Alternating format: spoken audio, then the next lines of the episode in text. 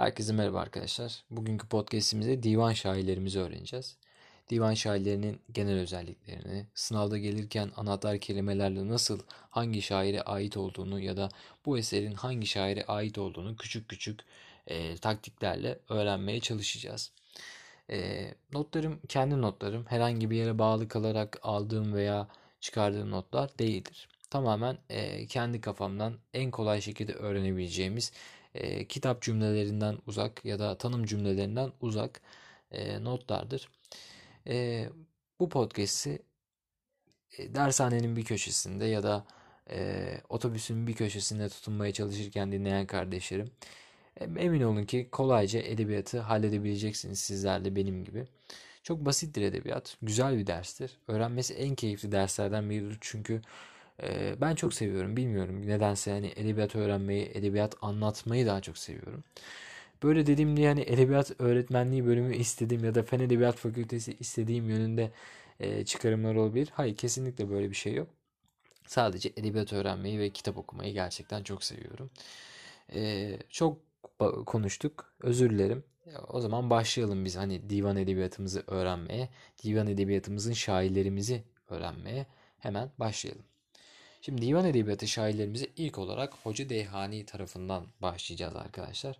Hoca Deyhani deyince bizim aklımıza ilk olarak 13. yüzyılda divan edebiyatımızın ilk örneklerini veren isim gelecek. Kurucumuzdur. Yani divan edebiyatımızı Türk edebiyatına kazandırmış, Türk edebiyatına uyarlamış e, kurucumuzdur. Hoca Deyhani. Hoca Deyhani hakkında bunu bilmeniz yeterli. Çok önemli şeylere hani detaylara gerek yok. Bu yeterlidir. Zaten paragrafta da büyük ihtimalle şöyle bir cümleyle başlar.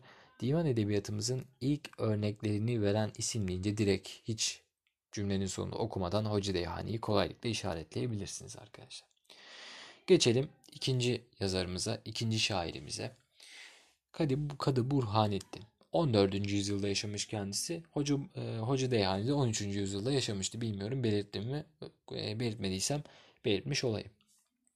14. yüzyılda yaşamış dediğim gibi Kadı Burhanettin. Kadı Burhanettin deyince de aslında bilmemiz gereken anahtar kelimelerden biri en önemlisi belki de tuyu örnekleri vardır. Tuyu nedir arkadaşlar? Divan edebiyatına Türklerin kazandırdığı e, nazım biçimlerinden, nazım şekillerinden biridir tuyu.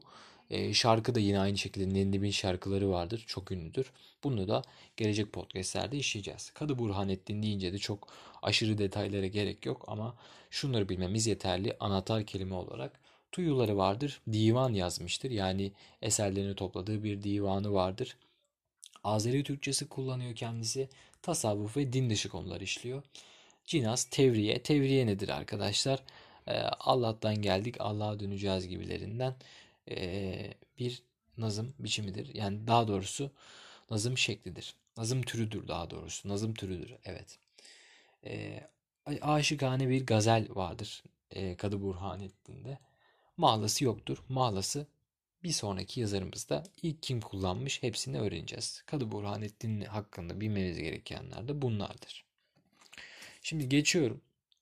14. yüzyıldan devam ediyoruz. Ahmedi'ye geliyoruz. Arkadaşlar Ahmedi önemli bir yazarımızdır.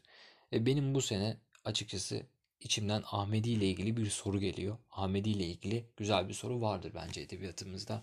En önemli isimlerden biri olduğu için de hani bu sene çıkması en yüksek isimlerden biridir. Ee, Ahmedi deyince aklımıza şu anahtar kelimeler gelecek. Divanı olan ilk şairdir. Arkadaşlar divanı olan ilk şairdir. Yani eserlerini ilk bu arkadaş toplamış. Ahmedi toplamış. Ahmedi deyince aklımıza bir diğer en önemli şey İskender Namesi vardır arkadaşlar. Şimdi bu eseri nasıl aklımıza tutacağız? Ahmedi arkadaşlar Ahmedi'nin sonunda i var değil mi? Ahmedi İskendername. Ben bu şekilde bir bağlantı kurdum. Ahmedi İskendername. Ahmedi'yi görünce direkt İskendername'yi yapıştırın. İskendernamesi vardır. Yine aynı şekilde sade bir dil kullanmış kendisi. Yani divan şairidir ama e, sade bir dil kullanıyor. Oğuz Türkçesi yazıyor arkadaşlar. Oğuz Türkçesi ile sade dil kullanarak eserlerini veriyor. Cemşit ile Hurşit diye de bir eseri mevcuttur Ahmedi'nin. Geçiyorum tekrardan 14. yüzyıldan devam ediyoruz. Gül Şehri. Arkadaşlar Gül Şehri çok önemli bir isimdir. Edebiyatımız açısından da çok önemli bir isimdir. Gülşehir'i e, şöyle bilebilirsiniz. Kırşehir'de yaşıyor kendisi ve ismini de aslında Kırşehir'den alıyor. Kırşehir'i değiştirerek Gülşehir'i yapıyor. E, o dönemde Osmanlı dönemlerinde Kırşehir e, Gülşehir olarak geçiyor ve Gülşehir'de mahlasını e, Kırşehir'den alıyor. Gül şehri olarak alıyor. Zaten edebiyatımızda ilk kez e, mahlas kullanan kendisidir. Gül şehrinin. E, Mantıku Tay adlı bir eseri vardır. Arkadaşlar bu eser fable olarak da geçer. Kuş dili anlamına gelir. Mantıku Tay eseri. Divanı yoktur Gül şehrinin. E, mesnevileriyle tanınmış kendisi. Ee, Kırşehir Mevlevi geleneğine bağlı bir isimdir arkadaşlar. Gülşehir'i deyince bilmemiz gereken anahtar kelimelerini hemen söyleyeyim ben size. Mantıkutay birinci, ikincisi ise Kırşehir'de yaşamış ilk mahlas kullanan şairimizdir Gülşehri. Geçiyorum 15. yüzyıla. 15. yüzyılda arkadaşlar artık yavaş yavaş babaların olduğu yani nasıl desem içerinin şampiyonlar ligi olduğu bir yere geliyoruz. 15. yüzyılda ilk olarak Alişir Nevai olarak başlıyorum. Alişir Nevai arkadaşlar en önemli edebiyatımızın en önemli isimlerinden biridir. Bilmemiz gereken anahtar kelimeler şunlardır. Çağatay Edebiyatı'na mensup e, Alişir Nevai e, Çağatay diliyle eserlerini veriyor. Nevai dili de geçer. Soyadını zaten Nevai dilinden almıştır. İlk tezkire örneği veriyor. Tezkire nedir? E, tezkire bir şairin hayatını anlatma. Aslında günümüzün biyografisine denk gelir. Tezkire örneklerimiz. E, nedir bu eseri de? E, Mecaliüsü Nefais adlı eseri vardır. E, Alişir Nevai'nin ilk tezkire örneği olarak. İlk hamse sahibidir. Hamsemiz de arkadaşlar. Hamse şu demek. Hamse edebiyatımızda, Arap edebiyatında 5 demek. Hamse 5 demek. 5 e, tane mesnevisi vardır. E, Alişir Nevai'nin ilk mesneviye sahip isimlerden biridir. Muha Muhakemetün Lugateyn adlı bir eseri vardır Alişir Nevai'nin. Yine bu da önemli olarak bilinmesi gereken şeylerden biridir. Ee, Alişir Nevai ilgili de bunu bilmemiz yeterli. En önemli akılda kalıcı şeylerden biri de anahtar kelime olarak e, Çağatay Edebiyatı, e, Nevai dili, ilk hamse sahibi ve aynı zamanda ilk tezkir örneği bunları bilmemiz yeterlidir Alişir Nevai ile ilgili. Ee, Şeyhi 15. yüzyıldan devam ediyoruz arkadaşlar. Şeyhi'ye geldik. Ee, Şeyhi Harname'yi yazım yazmıştır. İlk olarak Harname ile başlamak istiyorum. Harname de yine Mantıkutal gibi bir fable örneğidir. Mantıkutal yine biraz hani fable örneğinden ziyade hani fable tam değildir ama Harname tam anlamıyla bir fa- fable'dır.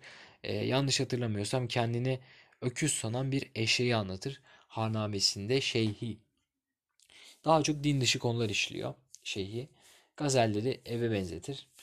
Mesnevi e, Mesnevi'yi şehre benzetir. Yani şu bu cümleyi şu şekilde yapabiliriz. Gazeli eve benzetiyor, Mesnevi'yi şehre benzetiyor. Yani güzel bir benzetme yapıyor aslında burada. Hüsrev-i Şirin adlı bir eseri vardır. Hüsrev-i Şirin de arkadaşlar e, Biliyorsunuz Ferhat ile Şirin'in Arap versiyonudur. Şeyhi zaten Arap bir yazarımızdır. Arap bir şairimizdir. Hüsrev ile Şirin yani Ferhat ile Şirin'i Arap edebiyatına uyarlamış bir isimdir kendisi. Hüsrev ile Şirin'i Şeyhi olarak bileceğiz.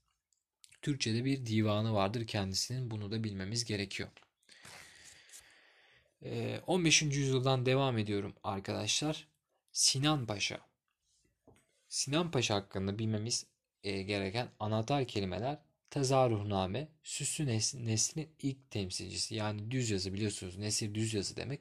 E, süslü neslin ilk temsilcisiymiş e, Sinan Paşa. Marifname yani eğitimname de marif biliyorsunuz eğitim demektir. Marifnamesi de vardır. Sanatlı bir dil kullanmıştır.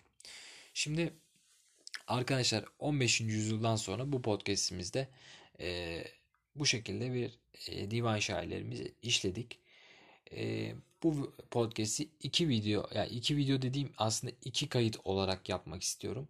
15. yüzyıldan öncesi ve 15. yüzyıldan sonrası. O yüzden podcast'imiz burada bitiyor. Bir sonraki yani ikinci podcast'imizde görüşmek üzere. Hepinize iyi çalışmalar, e, iyi günler dilerim.